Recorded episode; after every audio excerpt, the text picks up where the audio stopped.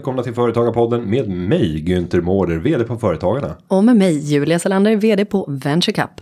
Och den här veckan blir det fullt fokus på hur du som företagare kan ta dig ut på marknaden och hur orättvisan kan vara en drivkraft i det här. Vi kommer också kommentera Julias eh, fusionssmak och dessutom gå in på frågan vilka försäkringar du egentligen behöver och vad innebär försäkringar för dig som företagare. Avslutningsvis så kommer vi säkert ge ett och annat tips kring sparad krona nu inför midsommar. För midsommar det betyder att det finns kronor att spara. Vi säger välkommen till Företagarpodden. Podden som ska hjälpa dig som företagare eller blivande företagare att bli mer framgångsrik. Välkommen! Men vi börjar podden med en inkommen fråga och jag ställer frågan till dig Julia. Hur gör man om man vill ställa en fråga till dessa eminenta programledare? Jo, men det gör man så att man använder sig av hashtaggen företagarpodden på Twitter eller Instagram. Eller så går man in på företagarpodden.se och skriver sin fråga lite längre, lite roligare, lite vassare. Och det har ju Kimmy gjort. Mm. Vill du läsa frågan som Kimmy har ställt till oss? Jag vill inget heller. Kimmy skriver så här. Hej Företagarpodden! På min ort finns flera gratistidningar som skriver jättemycket om andra lokala företag. Men de har aldrig hört av sig till mig. Lite orättvist kan man tycka. Hur får jag lokaltidningen att skriva om mitt företag? Jag tänker att det borde vara ett väldigt bra gratis marknadsföring. Jag har ett litet byggföretag om det kan spela någon roll. Hälsa mm. Kimmy. Ja, det här är djupt orättvist, men jag tänkte börja med att citera kungen. Får jag göra det? Självklart. Eh, det kommer inte flyga några stekta sparvar in i munnen på dig. jag direkt citerar inte nu, men han sa något liknande i samband med ett tal. Och det är inte... Där någon ursäktade att det var lite orättvist att det var en... Just kungen ska kanske inte använda det citatet. Jag tänker kanske att man ska passa sig man är kungen för att säga sådana saker. Men ja. det blir också väldigt roligt. Nej men jag, jag anar vad du är inne på för spår. Mm. Det här med att det är orättvist. Jag, jag... Att sitta hemma och driva ett byggbolag och tycka att det är synd att man inte tränger ut i media. Då kan jag bara säga att eh, media kommer till de som förtjänar det. Mm. Och då kan man säga så här, men jag förtjänar det. Ja, men då måste du uppmärksamma dem om att förtjäna det. Mm. Om du tittar på Venture Cup. Ja. Ni måste ju göra rätt mycket för att kunna tränga ut. Gud ja, vi har ju också extremt tajt budget och en ideell organisation men vi lyckas ju ändå på olika sätt tränga ut i olika medier. Och det vi använder är ju väldigt, väldigt liten betald marknadsföring, väldigt mycket sociala medier, väldigt mycket PR, väldigt mycket hårt jobb, väldigt mycket kontakter som tar lång tid att eh, etablera, också lite finess och eh, smarthet. Och sen ska man förstå medialogiken och det är att media vill vara oberoende och inte bli färgade och inte gynna olika ekonomiska intressen. Därav så kommer man som företag och företagare att ha en uppförsbacke. Mm. Om det inte finns en story som anses vara av allmänintresse. Däremot en ideell organisation som Venture Cup eller som företagarna som också är en intresseorganisation. Där finns en högre grad av oberoende. Mm. De vet att om vi skulle skriva om det här och vi skriver ut varumärket så är det inte en enskild person som kommer att tjäna pengar på det. Dock tror många det om Venture Cup. Det låter som ett, eh, en seglingstävling som har liksom ja, sina pengar ett skatteparadis. Ja. Men, men jag förstår vad du Volvo menar. Volvo Ocean Race det, tillsammans med Venture Cup. Venture Cup. Jag hörde dessutom att Volvo ska sluta sponsra Volvo Ocean Race. Det blir bara Ocean Race. Nej, jag vet inte. Up for grabs, ta mm. den. Det kanske är... Ja. Venture Nej, men... Cup Ocean Race. Volvo Cup blir det istället för. Ja, strunt ja. samma. Nej, men jag, jag förstår vad du är inne på. Jag vill också bara sätta in ett, en liten så, reservation för mitt skratt som kanske kan tolkas som ett hånskratt. Jag menar inte att skratta åt Kim, jag skrattar med Kim, för jag känner ibland känner ju likadant. samma frustration. Ja, Varför det är skriver orättvist. ingen om det här? Jag är så bra och det kanske det handlar hon är såklart. Mm. Eh, men som du säger, det, den viktiga avgörande poängen är inte om man är bra som företagare, om, om affärsidén är bra, om affärsmodellen är bra, om det går bra. Utan om du vill ha marknadsföring och PR, då får du jobba för det. Det är inte svårare än så. Det är väldigt få som liksom blir uppsökta och får allting gratis. Så att det här med orättvist och rättvist funkar inte riktigt inom media. Vad, vad tänkte du? Du pratade någonting om ja, men jag, ja, men jag har fått en eh, en ganska häftig utbildning genom min karriär. Mm. Alltså när jag tillträdde som vd på Aktiespararna så blev ju jag spännande till följd av att jag hade en roll där jag var oväntad. Jag var 26 år och en ung pojke tar över en organisation där snittålder var väldigt hög. Eh, och redan där så var det väldigt många från media som tyckte att det här är spännande. Det är ett allmänintresse att skriva om att aktiespararna har vågat satsa på den här unga personen. Det gjorde att jag fick väldigt mycket gratis utrymme.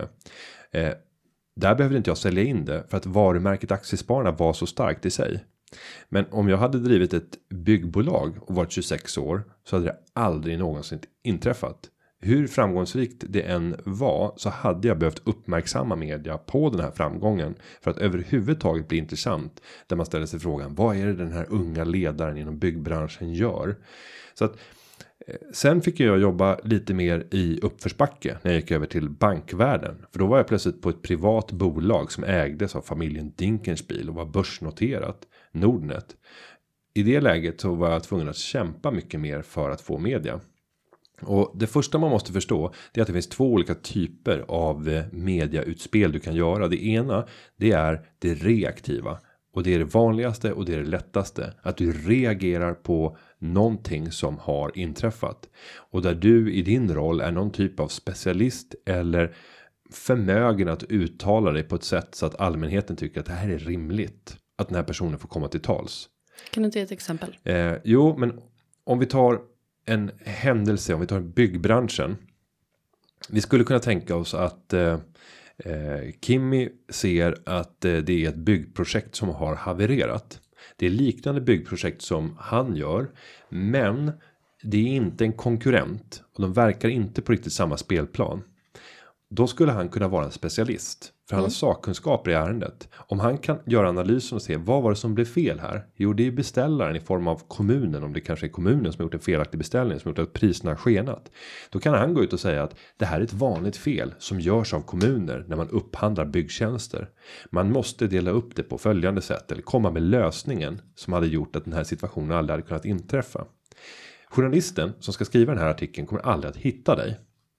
Eh, utan du måste själv söka kontakt med journalisten och förmodligen så händer följande. Ett fönster öppnas för att det skrivs en artikel om det här byggprojektet som har havererat i kommunen med den här lokala entreprenören och kommunen som beställare. Dagen efter eller samma dag ska du höra av dig för att i morgondagens tidning kunna följa upp med en artikel när det här fönstret är öppet. Så här hade det havererade byggprojektet kunnat undvikas. Och sen kanske Kimmy levererar liksom fem tips för att kunna få lyckade byggprojekt att eh, eller för, för att projekt, byggprojekt inte ska haverera. Mm. Det här är de fem gyllene tipsen. Men varför jag tänker lite smart lite i förväg och räkna ut trenderna inom sin bransch. För antagligen så är Kim expert på, på det här området. En annan. Och en annan sak som man kan göra och det gjorde jag ju väldigt mycket på Nordnet. Det är att jobba med den datan som jag satt med. Då hade vi totalt en halv miljon kunder på Nordnet. Jag kunde se exakt vad de gjorde. Jag kunde se det i fyra olika länder i Sverige. Plötsligt så satt jag med data som få andra i Sverige hade. Den datan kunde jag paketera ihop i olika former av enkla undersökningar. Och när jag såg ett intressant samband, någon avvikelse, något extremvärde, någonting oväntat. Då lyfte jag luren. Mm. Och identifierade en journalist som sannolikt eh, kommer att vilja skriva om det här. För att det har de skrivit om tidigare. Då är det bättre att eh, göra din analys. Vilken journalist är mest benägen att skriva om de här frågorna? Presentera att jag sitter med helt unik data. Jag står beredd att ge exklusivitet till dig att få ge ut den här nyheten. Eh, om du vill göra ett uppslag kring det. Och många gånger så tycker man att det är jättespännande. Journalister är precis som du och jag rätt lata. Kan någon göra ett stort jobb åt oss, göra all research, komma bara sälja in ett färdigt case. Eh, men de kommer också vilja att det blir oberoende. Så att det som händer när de presenterar den här undersökningen. Det är att jag får vara huvudkommentator. De kommer skriva att undersökningen kommer från det här företaget. Men sen kommer de vilja ha någon konflikterande röst. Så de kommer vilja hitta någon på andra sidan som också kommenterar. Och om du då har etablerat dig som en expert inom det här området så är sannolikheten ganska hög att du får vara en reaktiv kommentator på den här nyheten som den andra personen proaktivt skapade. För att det proaktiva medarbetet är ju det andra. Det är när du själv försöker öppna ett fönster och det är inte 10 gånger svårare. Alltså det är 50 gånger svårare att helt plötsligt föda en fråga som inte finns på agendan. Mm. Och att få föda en fråga som öppnar ett fönster och gör att andra kommer att få möjlighet att kommentera och att den här nyheten fördjupas under de kommande två dagarna. Det är otroligt svårt. Men eh, sitter man med ett unikt content så finns det möjlighet att faktiskt få till stånd det här.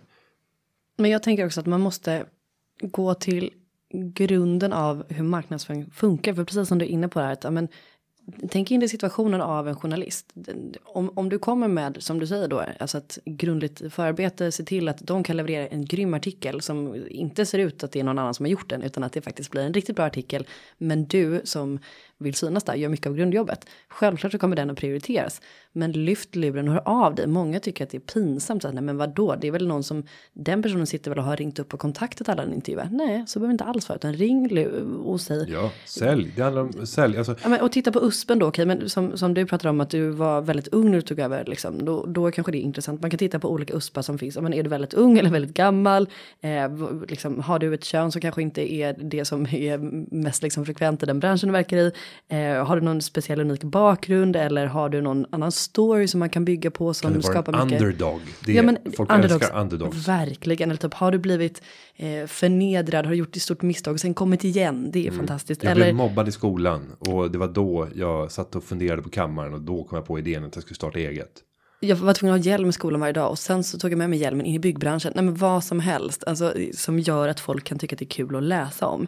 Eh, så att någon slags spännande historia och bygg på det och odla det. Eh, och sen så lyfter du luren och säljer in det här och speciellt också när det handlar om lokalpress så är det väldigt så här.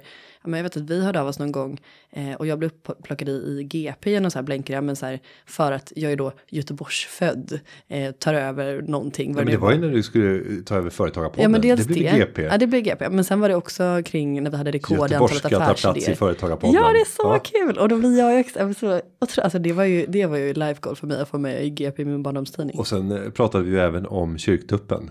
Som du fick i, eh, I Sydsvenskan. Ja, Ja. Åh, jag älskar de här.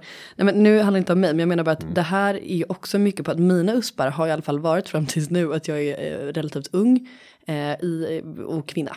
Får jag, Eh. ja, får jag säga en observation som jag har gjort senaste månaderna? Mm, Vet du vad jag har blivit? nej. Jag har blivit en vit medelålders man. Grattis! Ja, alltså plötsligt så börjar media betrakta mig som en vit medelålders man. Och jag kan bara ta förra veckans observationer. Det här baseras alltså bara på förra veckan. Du har två exempel. Den första, den var i studio 1. Där jag den 5 juni fick sitta och resonera kring näringslivets krav på politiken efter valet. Och där fick jag eh, kommentaren innan jag fick frågan. Så bara, ja, vad säger du Günther som har varit med väldigt länge? Alltså, Ja. att, att prata med mig om en person som har varit med väldigt länge. När man dessutom satt med en entreprenör på plats, Jessica Lövström, som är fantastisk, framgångsrik, liksom har fått eh, SVDs affärsbragd. Och som är mm, mer, nu ska inte jag gissa hennes ålder, men hon är väsentligt, hon är mer än tio år äldre än jag. Hon har varit betydligt mer längre tid i, i marknaden. Så hon är mer erfaren än vad jag är. Du som har varit med väldigt länge. Jag är den vita medelålders mannen. Sen några dagar senare så släppte DI ett eh, huvudlöp. Första sidan var så här vill partierna flörta med företagare. Och sen så är det ett heluppslag och jag ägnade tror jag två timmar åt att eh, göra intervjuer för att förbereda den här stora uppslaget som var det, det, det stora säljet den, den dagen. Och eh, då var det jag och sen en kvinna från Unionen. Och majoriteten av cita- citaten är ju från mig. Mm. Minoriteten av citaten är från henne. Men sen när man ska porträttera det så väljer man att ha en bild på henne. Mm. Vilket gör att det är egentligen irrelevant. Det blev irrelevant för man väljer den person som profileras minst i artikeln som uttalar sig minst. Men Det är hon är kvinna. Hon är Ja. inte vit medelålders man. Nej men alltså man måste vara förut så cynisk. kvoterades jag in till följd av att jag var en ung man som var oväntad i näringslivssammanhang. Så då hade jag en fördel av det faktiskt. Så att var det jag och en äldre vit herre som uttalade sig och även om den vita äldre herren hade fler citat än jag så var det jag som profilerades för att det ja, såg bra ut. Man fick en bättre balans i ålder, i kön, i ursprung ja, Men titta på PK-Sverige och vad som är din USP och hur du kan använda det. För det är ju ingen hemlighet. All, det, det, alltså, det får man bara rida på. Och så får man också inse när ens olika USPar övergår till andra. Du då har övergått från ung man till eh, vit medelålders man. Men det är ju fantastiskt, så kan du rida på det. Men jag tänker också att för Kimmy här och andra företagare som också tänker att ja, men, eh, det här med gratispressen, att det, att det är orättvist att de inte hör av sig. Ja, men det må så vara. Men kontakta dem då. Se till att skapa ett roligt intressant case att skriva om. Och tänk också så här, om det är för din egen privata liksom, uppmärksamhet, att du tycker att det skulle vara kul att bli omnämnd. I all ära, jag är med dig, jag hör dig. Men om det är att du vill att företaget ska synas på något sätt, varför vill du det? Vill du nå potentiella kunder på något sätt? Tänk då utifrån det när du skapar caset. Eller vill du bara ha liksom, varumärkeskännedom om bolaget? Eller vill du att ja, din släkt ska förstå vad du gör för någonting. Eh, utgå från vad du vill att det här reportaget ska handla om och vad det ska ge dig för någonting. Så har du också en bra start. Eh, men eh, ja, Kimmy, lyft luren, börja fila på mail, gå dit. Och jag har ett eh, tips. Eh, det, det verkar finnas eh, någon som har tagit fram entreprenadindex för husbyggnad och anläggning. Eh, men jag tänker så här, svenskt byggindex. Om Kimmy skulle starta ett eh, företag som egentligen inte har någon verksamhet mer än att ställa samman lite data via en enkel poll eh, undersökning som man skickar ut till andra byggföretagare. Man kan ju börja lokalt och säga det att säg att eh, är verksam i eh, i eh, Jönköpings kommun. Ja, men då kan han välja ut de 30 företagen som eh, han har lite kontakt med och som karaktäriseras av att de jobbar inom en viss del av byggsektorn, kanske jobbar mot privatmarknaden och har minst fem anställda. Om han då ställer en fråga varje kvartal till de här. Hur ser orderingången ut? Eh, hur länge har du jobb från och med nu och framåt? Eh, har din omsättning ökat, minskat eller varit oförändrad senaste året? Eh, vad tror du om de kommande 12 månaderna? Vi gör ju en sån här undersökning som heter småföretagsbarometern, men på hela Sverige och sen kan vi dela upp den på lite olika branscher, men vi gör den årligen. Om Kimmy skulle göra det här i en kommun och kunna få ett index där han varje kvartal kan mäta utvecklingen. Då sitter han med ett content som blir av allmänintresse där han kan uttala sig om konjunkturen utifrån efterfrågan på byggtjänster. Och han kommer alltid få vara den som kommenterar de här siffrorna. Sen kanske inte han är bäst lämpad att göra det, men para ihop det med någon annan som är duktig på att tala eh, och hur du kan koppla det här över till ditt företag så att det oftast blir exempelföretaget som man kan välja ut. Men att försöka lyfta sig ovanför och skapa liksom svenskt byggindex AB. Ja, det tänker man är en typ av undersökningsföretag. Ja, det var ett dotterbolag till ditt byggbolag, men det kommer inte media bry sig om. För att så länge du har en, en godkänd metodik enligt det journalisterna har fått lära sig på journalisthögskolan när det gäller statistik. Så kommer de att acceptera modellen. Så det krävs ett visst grundarbete. Det krävs att samla in en del personer som svarar på den här undersökningen. Men det går att göra jättemycket content. Om jag ska säga hur, eh, ta Dagens Industri igen. De har en sån eh, rekryterad panel av 1000 tror jag, eller om det är färre till och med, chefer i näringslivet. De här tusen cheferna får svara på lite frågor här och nu. Och när de resultaten kommer så blåser de ofta upp det här jättestort. För att de sitter med en unik data över hur chefer ser på framtiden. Resonerar kring den här enskilda frågan. Så att skapa din egen databas. Titta på vad har du för data idag? Vad kan du ha för data imorgon? Hur kan du skapa material som blir av allmänintresse? Sälj, sälj, sälj. Men sälj och var lite fräck och slå dig för bröstet och det är... Jag Det- tänker så här, Venture Cup, vi innan, alltså i tidens begynnelse så, så, sa, så sa Venture Cup att Sveriges största eh, startup-tävling, eller affärsplanstävling som det var då. Men det var i sitt slag. det finns alltså ingen annan som gör Venture Cup på exakt samma sätt som Venture Cup som är större. Som är Sveriges största. Jag menar, hur du definierar, du kan ju alltid vara lite så. Nej, och Du får också, sälja, du får vara säljig. Anmäl dig till tävlingar. Det tycker jag också är en sån här bra grej. Om, om det är så att du har en, en företagargärning som är, är framgångsrik, annorlunda på något sätt. Så här, se till att du blir nominerad till årets företagare. Även om du inte kommer vinna i din kommun så kanske det blir en av topp tre. Jag vet inte hur gammal Kim är, men vi delar ut pris till årets unga företagare. Där brukar urvalet vara mycket, mycket mindre när man kommer ner på kommunnivå. Så att det är svårt att finna bra exempel på personer under 30 år som har byggt ett bolag som idag är verksamt. Och, Ja, men har man blivit nominerad där så kan man ju använda det som hets då för att skriva mig. För jag har blivit utnämnd till det här. jag kan berätta min resa. Jag ska till kommer vilja skriva om det. Här är de tre finalisterna i Årets unga företagare i, i vår kommun. Och så får man breda ut sig och Sen- berätta om verksamheten. Kan jag också säga att just det här med att någonting är orättvist. Det är svinbra när någonting är orättvist. För då blir man frustrerad. Ja. Och det är en jäkla Då drivkraft. en glöd. Nej men alltså drivet kommer oftast inte av att allting är superbra utan snarare tvärtom. Att man är frustrerad, arg, förbannad, irriterad eller tycker att man är orättvist behandlad. Använd det som en jäkla monsterbensin och bränsle för att göra någonting. Agera. Och sen som sista tips skulle jag säga använd sociala medier för att öva dig. Eh, om han inte har Twitter idag och Twitter är ju verkligen ett eh, verktyg för liksom mediaeliten och politiska tyckare och opinionsbildare. Så man kan känna så här, vad gör jag här? Jag har inget content att komma med. Nej, men låtsas som att du har content att komma med. Så fort det kommer en nyhet där du med din yrkesbakgrund skulle kunna vara en person som har någonting att tillföra retweeta det inlägget men med ditt citat och din kommentar kopplat till den här nyheten eller den här händelsen. Genom att göra det ständigt och säga så här. Jag sätter upp ett mål att jag ska kommentera tre nyheter varje dag inom mitt fält.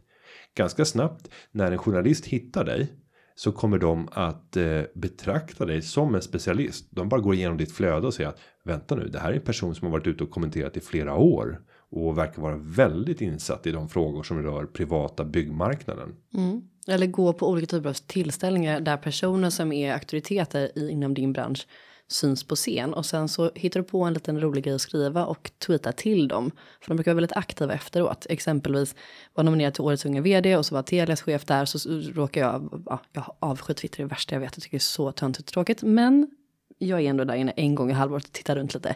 Och då skrev jag till henne så här, gud du är min idol, jag vill vara dig om tio år. Och då skrev hon tillbaka, jag vill vara dig nu. Och då blev det så här, mm, kul. Alltså man kan, Men du är Nej, men, och det här menar man ju absolut inte, jag har ingen aning om vem jag är. Men jag menar bara att hade jag kunnat göra det på ett annat sätt med liksom Venture Cup som avsändare. Nu var det här mitt privata konto.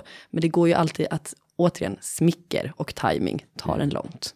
Tänk på det. Ja, vi, vi skulle kunna prata hur mycket som helst om det här. Mm, jag vill säga en sak Ut och till. gör. Mm. Eh, på en helt annan ton. Vi har ju en, eh, en härlig lyssnarskara. Den är stor, den är brokig, den är bred. Vi har fått en kommentar. Ja, och din ödmjukhet förbjuder det. Säg som det. Säg som det. Eh, vi gillar ju när ni kommenterar. Eh, Ja. och eh, här på ett inlägg på Instagram så kom det en kommentar från Nikolas. Mm. Som säger Julia, du har förutom ett väldigt snyggt efternamn tydligen även riktigt bra musiksmak. Njut av fusion. Fusion, Günther. Fusion. Ja, den här personen verkar heta Nicolas Selander. Så att det, Selander. Selander, Selander. Så det är antagligen någon i den stora breda eh, bondesläkten Selander. Vet du hur det kom till förresten? Jag antar att det är någon kringresande eh, morfars far som har ynglat av sig som Säkert. kättare eller Säkert. Nej, men, eh, min, min pappa har gjort lite research och sa så här. Ja men eh, Selander det kommer faktiskt. Inga militär, militärt namn. Och tänkte åh det kan vara fint. Nej men vet du det är det är? tyskt 30-tal faktiskt. Just. Nej det är däremot så att det var inte svårare än så. Att det var ju någon va. Som eh, var tvungen att ta hand om selarna. Det var Sel-Anders. Selarna till hästarna eller till Ja, till ja, antar det. selar. Ja. selar som man har i krig. Ja, men till, till hästarna. Och den här personen hette Anders. Och då fick han ju namnet Sel-Anders. Så att Selander, det är så Sel-Anders. Exk- exklusivt efternamn. Men eh, Niklas, tusen tack. Och eh, för den här med, vita medelålders mannen som sitter mitt emot mig som inte vet vad fusion är. Och att du säger att jag har ett bra, eh, bra musiksmak. Det har jag. Och jag ska njuta ihjäl mig på fusion, den här festivalen utanför Berlin. Fan vad kul det ska bli. Eh, och då får, då får väl jag avsluta eh, den här diskussionen med att också bara snabbt föredra eh, Mårder. Som alltså är eh, fodret innanpå kungliga mantlar. Den var fodrad av Mårder. Då är det alltså mårdpäls som man har som foder i Så man kan säga mantlar. Företagarpodden drivs av två stycken personer som har. ja, det, är, det är krigs och eh, adels eh, efternamn kan man säga på olika sätt. Kongligt. Kongligt. Kong, kongligt. Och, även om det bara är fodret på På något sätt så på- är det väldigt målande för dig ändå. Det är liksom så här, det är inte en kunglighet själv men är jävligt nära bak på och eh, Mm. irriterar och styr. Fint, tack så mycket för ett eh, väldigt bra inlägg där Niklas. Nu ska vi få lära oss mer om försäkringar. Det här kan tyckas vara ett eh, ett tråkigt ämne tror jag många tänker så här. Åh, ska vi prata försäkringar? Men det här är kanske det roligaste som finns eh, om man har det när det skiter sig. Ja, verkligen. Eh, och det kan också vara så att det kan vara ett bra verktyg för att det inte ska skita sig. Så för att bringa klarhet, eh, sprida ljus, upplysa alla företagare där ute så har vi bjudit in en expert som nu ska få ledsaga oss genom försäkringsdjungeln och ge oss de grundläggande kunskaperna som behövs för att vi som företagare ska våga maximera vår risk i verksamheten. Inte i de sakerna som faktiskt går att försäkra bort. Så varsågoda. Här kommer en intervju med mycket upplysning. Då hälsar jag Kristina Ström Olsson, hälsostrateg på Länsförsäkringar. Välkommen till Företagarpodden. Tack så mycket. Vi har ju fått in en hel del frågor kopplat till just försäkringar och då tänkte jag varför inte bjuda in en expert som eh, vi inte får grilla utan som vi får mjölka ut på kunskaper. Är du redo? Ja, det låter bra. Eh, en sån där vanlig fråga som kommer det är vad är egentligen en företagsförsäkring? Företagsförsäkring handlar ju om att trygga sin verksamhet. Och eh, när jag tänker företagsförsäkring så handlar det ju inte bara om att försäkra prylar och eh, sina fordon som man kanske har i verksamheten och eh, fastigheter, utan det handlar om att försäkra sig själv och sina egentligen anhöriga. Och då talar vi om personriskförsäkringar. Och när man pratar företagsförsäkring så finns det ju lite olika alternativ. Och eh, jag tycker om man, eh, om man startar eget så ska man tänka på att ha ett bra grund. Och då kan det till exempel handla om att ha en livförsäkring, att ha en olycksfallsförsäkring och att ha en sjukvårdsförsäkring. Och vad får man då för det kan man tänka? Jo, med livförsäkring då handlar det om att trygga sina efterlevande om någonting skulle gå riktigt galet. Och eh, vad gäller olycksfallsförsäkring så är det någonting som gäller dygnet runt, både på arbetet och på fritiden. Och det ger också eh, eh, ersättning vid olycksfall eller skada. Sjukvårdsförsäkringen, den är ju lite unik och speciell. För det handlar ju inte om att få ersättning för inkomstbortfall i någon form, utan det handlar ju faktiskt om att få hjälp. Dels få förebyggande hjälp att kunna hålla sig själv och sina anställda friska, men också att arbeta för att minska sjukfrånvaron. Och sjukvårdsförsäkringen innehåller därför både förebyggande inslag, rätt vård i rätt tid, alltså tillgång till specialistvård hos privatvårdsläkare och eh, effektiv rehabilitering. Så att man kan få den rätta rehabiliteringen, arbetslivsinriktade, så, så snart som det bara går om man har behov av det. Och där tänker jag, om man pratar om företagsförsäkring så misstänker jag att eh, för en expert så säger det ingenting. Det är ungefär som att man säger att jag har köpt bil. Jaså, har du köpt bil? Vad bra. Eh, jag misstänker att det finns väldigt många olika typer av eh, företagsförsäkringar. När man börjar skrapa på ytan så är det väldigt stora skillnader mellan dem. Kan man prata om någon form av så här miniminivå som krävs för att någonting ska få kallas en företagsförsäkring? Man ska ju se till, säg att du är eh, du startar ett eget företag och eh, du har en liten verksamhet, du kanske inte har någon anställd, utan du har, eh, kommer att ha en omsättning som ligger på en, max 2 miljoner. Då måste du säkerställa att du har ett grundläggande skydd vad gäller egendom, ansvar, rättssäkerhet och även om du är ute och reser i tjänsten och så vidare och även en ansvarsförsäkring. Och där finns det ju eh, ett grundskydd för det som du kan köpa och det måste du se till att, att ha det grundskyddet. Och när du säger måste se till, vad, vad betyder måste se till? Där har man ju ett ansvar som företagare, för du kan ju få eh, väldigt stora skadeståndskrav till exempel på dig om du inte ser till att ha, ha det säkrat om olyckan är framme. Men det, är, men det är inget lagkrav som till exempel hemförsäkring? För där är det ju krav på att man måste ha det. Det finns lagkrav även eh, vad gäller andra delar och, och här skulle jag också vilja eh, säga det att om man kommer in på eh, anställda och även dig själv som företagare så har du ju faktiskt ett långtgående ansvar för att säkerställa minimera risken för olycksfall och ohälsa. Och det är lag, lagstadgat, absolut. Mm. Det är det. Här skärper man ju dessutom kraven framöver. Och, och sen tänker jag den här lilla företagaren som precis har kommit igång. Eh, som knappt klarar att försörja sig på det för man har bara kört ett halvår.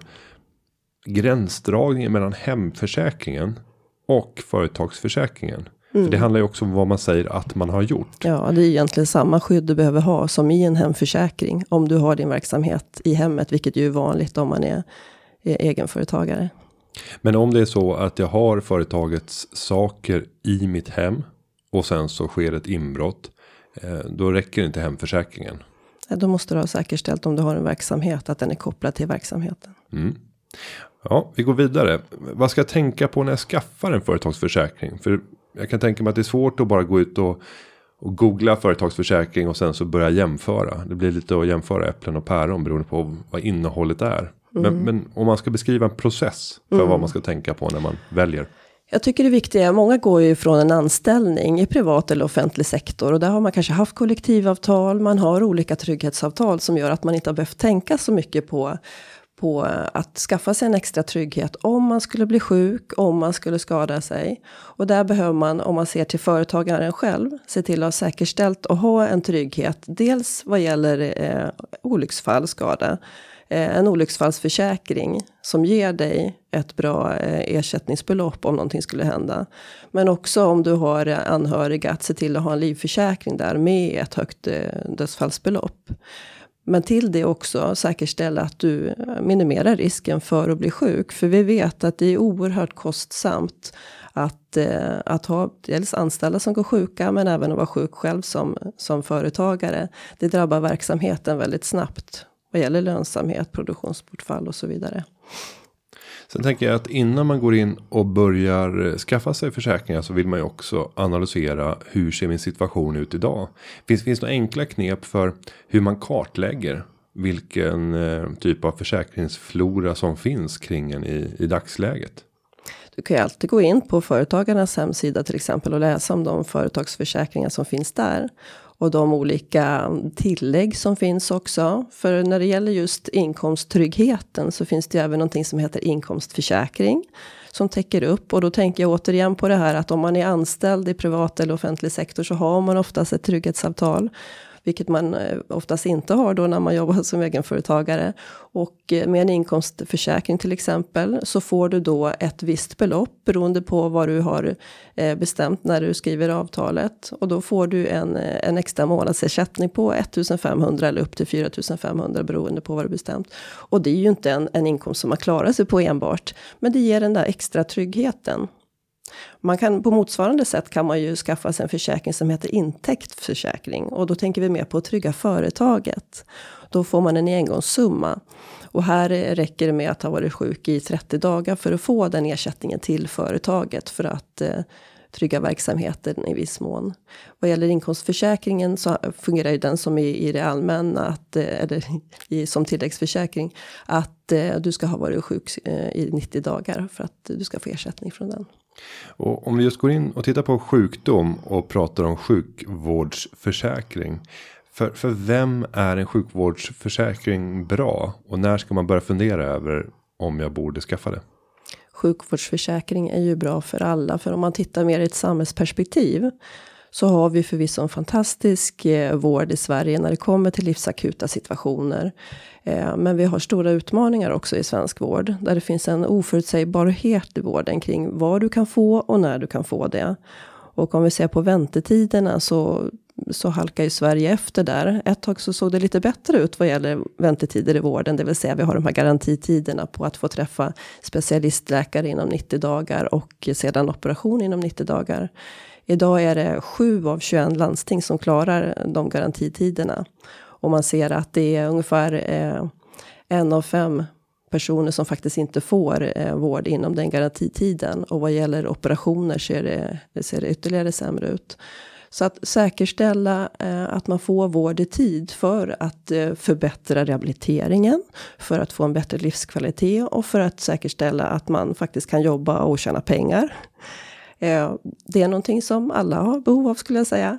Eh, annars handlar det mycket om, för småföretagare särskilt, så är det ju oerhört eh, sårbart om man själv blir sjuk eller om man har någon anställd som blir sjuk. Därför är det så viktigt att trygga och minska risken för att man får anställda som, som blir sjuka. Och det är det som är det unika tycker jag med sjukvårdsförsäkringen. Där du kan få hjälp eh, i ett väldigt tidigt skede. Du behöver inte ens ha blivit sjukskriven för att få hjälp med rehabiliteringen. Utan det, det räcker med att det finns en medicinsk bedömning för en längre sjukskrivning. Och då får man en särskild rehabkoordinator som går in och hjälper till. Gör en utredning, se till att få eh, eh skapa personanpassade åtgärder. Så man följer individen genom hela rehabiliteringen och anpassar allt eftersom för att det ska bli så bra som möjligt. Och, och där blir det nästan som när man står med ett, ett nyfött barn och säger hur viktig är säkerheten för det? För börjar man fundera mm. på eh, vad skulle det kosta för dig som företagare om du inte fick den vård du förväntade dig mm. inom en rimlig tid? Mm. Eh, vad skulle det in, vad skulle det innebära för verksamheten? Hur skulle det här drabba dig? Mm. Skulle det vara värdefullt om det gick fortare att få den hjälp du behövde? Mm.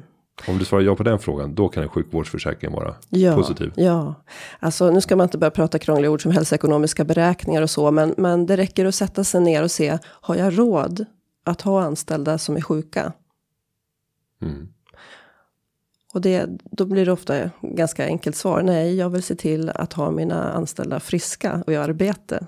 Det skapar också en mycket bättre arbetsmiljö för alla.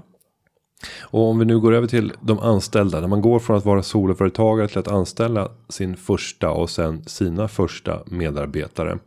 Vad ska man tänka på när det gäller grundskyddet?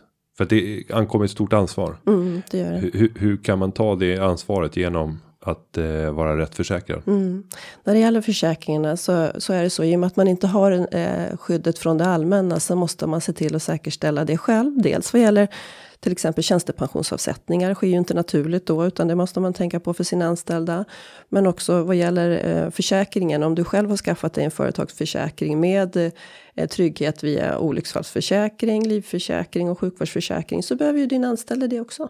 Mm. Så det, det skulle jag rekommendera att man, att man eh, skaffar en sån grundplusförsäkring eller en, en anställd, försäkring för anställd helt enkelt. Det finns ju sådana paket att, eh, att köpa idag. Och sen eh, när man fattar beslut om en försäkring så kan jag tänka mig att många sitter och våndas och funderar över. Gör jag rätt val nu? Har jag hamnat rätt? Hur lätt eller svårt är det att byta försäkringsbolag om jag har just en omfattande företagsförsäkring och vi har sjukvårdsförsäkringar till våra anställda. Är det en stor apparat mm. om man skulle vilja byta? Försäkringarna är ettåriga så att du har din avtalstid och kan när den är slut kan du göra ett omtag om du vill det. Det är ju mm. inte så vanligt att man gör det för man är ju oftast var, eh, nöjd med den försäkring man har. Om vi pratar om snitttider om vi tar företagsförsäkringar. Hur länge brukar en kund stanna? Har du det i huvudet? Det har jag inte i huvudet. Men, men länge, länge. misstänker jag. Jag fick höra att fritidshus. Den, den, har eh, den försäkringen på fritidshuset brukar ha en av de längsta livslängderna. Om det var över 20 år eller 23 år eller sånt där. Mm. Eh, så det är otroligt eh, lång tid. Sen har vi lite frågor som har inkommit från lyssnarna. Det är en lyssnare som sammanfattat säger så här. Jag jobbar hemifrån. Täcker inte min hemförsäkring mina saker då? En hemförsäkring täcker ju normalt enbart sånt som köpts privat och används för privat bruk. En dator i bostaden som betalas av företaget och som du använder i näringsverksamheten, den ersätts vanligtvis inte av hemförsäkringen. Så det gäller alltså att vara lite försiktigare och fundera över. Har man sin, mm. sin kontor eller sin arbetsplats i hemmet så bör man vara lite, lite försiktigare och fundera över vilket skydd har jag egentligen mot eller för mina, mm. mina övriga saker. Och jag skulle vilja säga att det är, det är viktigt att inte vänta och se försäkring som någonting man tar sen när man får lite tid över. Utan att prioritera det först när man bestämmer sig för att starta verksamheten. Att man ser över försäkringsskyddet så att man är beredd på den biten och kan bocka av den. Sen har vi fått en annan eh, fråga som är lite spännande. Om någon halkar utanför min affär på vintern och skadar sig täcks det av min försäkring. Mm, normalt är det ju fastighetsägaren som har ett ansvar för skottning och eh, även sandning utanför lokaler. Om man inte har överenskommit om något annat. Men eh, om man skulle halka inne i en affär som en näringsidkare har då. Till exempel för att de har blöta golv och så. Då är det ju försäkringen som gäller. Och sen vet ju jag att det är många företagare som eh, använder just köpet av sina egna verksamhetslokaler som en, ett viktigt pensionssparande. Så att när man har byggt upp kapital så är det många som använder till att köpa sina lokaler. Då måste man också tänka på att då övergår ju ansvaret för då är det du som är fastighetsägaren. Det. Eh, Och det gäller att ha de kunskaperna som behövs. För att kunna säkerställa till exempel sådana här saker. Att du faktiskt då i din tur har försäkringar som täcker. Eh, För till exempel skador som uppkommer i anslutning till fastigheterna. Och att man har ett nödvändigt underhåll. Absolut, så är det. Där kommer ju arbetsmiljöansvaret in också, tänker jag. För det är också en viktig fråga som eh, företagare behöver tänka på. Man har ju ett långtgående ansvar för dels den fysiska arbetsmiljön, men även för den sociala och organisatoriska. Och eh, då handlar det ju även om att, att säkerställa eh, att det inte finns några fysiska risker på arbetsplatsen. Sen har vi ytterligare en sista fråga här. Jag hyr min lokal. Vem får betala om skyltfönstret går sönder? Oj, ja, det är ju fastighets, fastighetsägarens ansvar att se till att fastigheten eh, hålls i ett gott och brukbart skick och då inkluderar ju det även fönster och dörrar och så.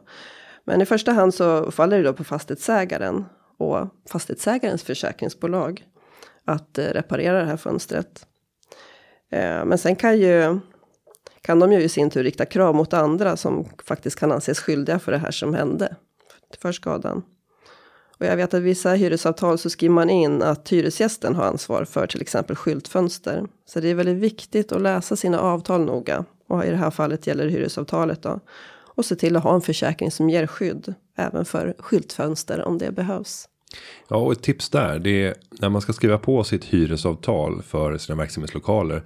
Pröva alltid att ring till företagens rådgivning innan för att bara stämma av. Är det här rimliga eh, punkter att ha med i ett avtal? Finns det någonting som gör att du får en svagare ställning än vad du egentligen borde ha?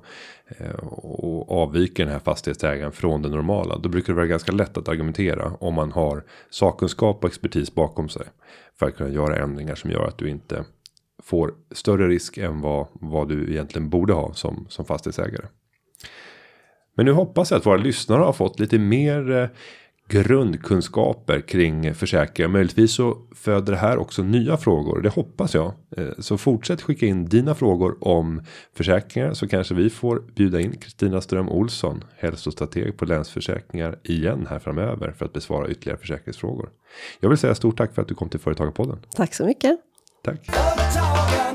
Och där är vi tillbaka i studion och Julia, du fick inte vara med där och intervjua. Nej, För den där gjorde jag lite innan du hade kommit. den hade jag redan förberett. Vi tackar Kristina och eh, det är säkert så att vi kan tänkas få återkomma till den här frågan om du som lyssnare skickar in frågor kring vad är det du vill veta om försäkringar. Så jag sa så här till Kristina att låt oss se om eh, några månader har vi fått in väldigt mycket olika typer av försäkringsfrågor så kanske vi kan göra ett uppföljande avsnitt där vi går in på djupet i lite specifika case. Mm. Så ställ din fråga på företagarpodden.se eller på hashtag företagarpodden. på Instagram och Twitter. Mm. Vi säger tack för idag, men Julia vinkar. Men vi måste ju också säga glad midsommar. eh, glad midsommar ska vi absolut säga. Ja, blir det nubbe? Eh, det lär bli nubbe. Dessutom så blir det fotboll på midsommardagen. Eh, blir det förra årets nubbe? Om jag känner dig rätt. Har du sparat den? Eh, ja, alltså det är inte. Jag menar inte att är du inte för- dricker någon är nubbe. Jag menar bara att förra årets nubbe. Alltså det är ju. Den har ju varit med i decennier jag på att säga. Jag menar bara att hashtag sparad krona. Att du så här, har säkert köpt ut någon gammal utred nubbe. Eller typ sill. Eller jag vet inte. Det känns som att du, du har lite spartips vad gäller midsommar. Vi vill alltid- inte tråka ut lyssnarna nu. Men jag säger bara, tänk er familjen Mårder. Tänk er Günther. Den glöggfryntliga Nej, men ska man ge några hashtag sparad krona tips nu inför eh, midsommar så är det ofta så att man firar den tillsammans med lite andra vänner. Mm. Då gäller det att själv ta på sig ledartröjan för att organisera utdelningen av uppgifter. Och då vet man att det som är absolut dyrast att ordna det är ju köttet om man ska grilla och det är drycken. Drycken är å andra sidan någonting som tidsmässigt är det mest effektiva. För du behöver inte stå och marinera. Du åker iväg till bolaget eller till den där Merca bakluckan och köper det som behövs och så kommer du till festen. Men att däremot säga att jag tar ansvar, ansvar för sillunchen och ordnar allt med sill och potatis och rödlök och gräslök. Gräddfil. Det kostar i princip ingenting. Men Det är trevligt. Men det är trevligt och du kommer ändå uppfattas som att du har bidragit i väldigt hög utsträckning. För du har stått för hela den utom drycken. Eh, så att normalt sett så ska jag säga att du har en, en ratio som är en fjärdedel av kostnaden. Men det upplevs som att du har varit jämbördigt deltagande. Alltså skitkul att gå på fest med mig, eller hur? Ja, verkligen. Men, Men Julia, du som har varit på fest hos mig. Du kan säga att det minsann inte är, alltså det är frikostigt. det är frikostigt och det är väldigt trevligt och det är, jag tror att det är snarare så här att du försöker lite mörka hur kul du är och har. För att du vill inte ha några jäkla oinbjudna gäster, du vill bara ha ditt lilla Nej. sällskap. Och jag fick inbjudan till din sommarfest förra året. Men i år har det inte kommit någon, så det kanske är jag som var Nej, tråkig. det, det är ingen planerad. Du ser, nej, nu, nu börjar mörka för mig också. Nej, men jag herregud. fyllde 35 år förra året. Det var det vi firade. Jaha, det uppfattar inte jag. Nej, nej, det gjorde du inte. Men jag hade ändå skrivit att, att presenter undanbeddes tacksamt. Men tag med en. Vad skulle man ta med? En flaska. En flaska. Och det var inte vad som helst. En finare bubbel va? En champagne var det till och med. Mm, det hade jag. Och eh, det var ju också så här bra trick. För att har du varit hemma hos någon som kör en fest från klockan fyra på eftermiddagen fram till klockan två på natten. Och det finns obegränsat med champagne. Det är ju rätt sällsynt och det är inte en champagnesort utan det finns 40 olika champagnesorter. Ja. Men det är också väldigt effektivt för Och, att jag och tänker. då har ju alla gäster stått för det. Och då får man inga skitpresenter heller. Nej. Och då bidrar man inte till konsumtionssamhället. Utan alla får vara med och dricka torr champagne, välkyld. Och för dig så är den också gratis. Och den är gratis för mig. ja, men det är briljant, men jag tänker också Mm. att... ehm, nej, nej, men det, det är ett bra tips. Det är väldigt bra Mm, tips. och jag kan tänka att det är väl aldrig någon som köper champagne. Jag tänker att alla får väl på alla sina födelsedagar och sen så går de här runt. Så det Någon bara, måste ju ha köpt dem Nej, ingen har köpt dem. Det är någon stackare som inte har fyllt år som har köpt dem. Men De titta dricker på, titta på. Exakt, titta på flaskorna och se så att det inte hänger ett gammalt sladdrigt eh, grattishälsning där när du ska ta den hemifrån. Det blir pinsamt. Men en, en rolig grej när man ger bort en champagneflaska.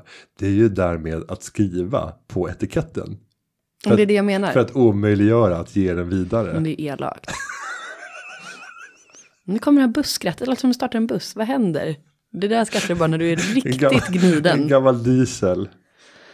Då. Och med det så vill vi säga att... att den här podcasten har förberetts av Karin Nygård. Och klippningen, den är gjord av Gustav Dalesjö. Tack och glad midsommar. Glad midsommar. Riktigt billig midsommar. Riktigt dyr. Ja. Hej då. Ja, ja, ja, ja, ja, ja.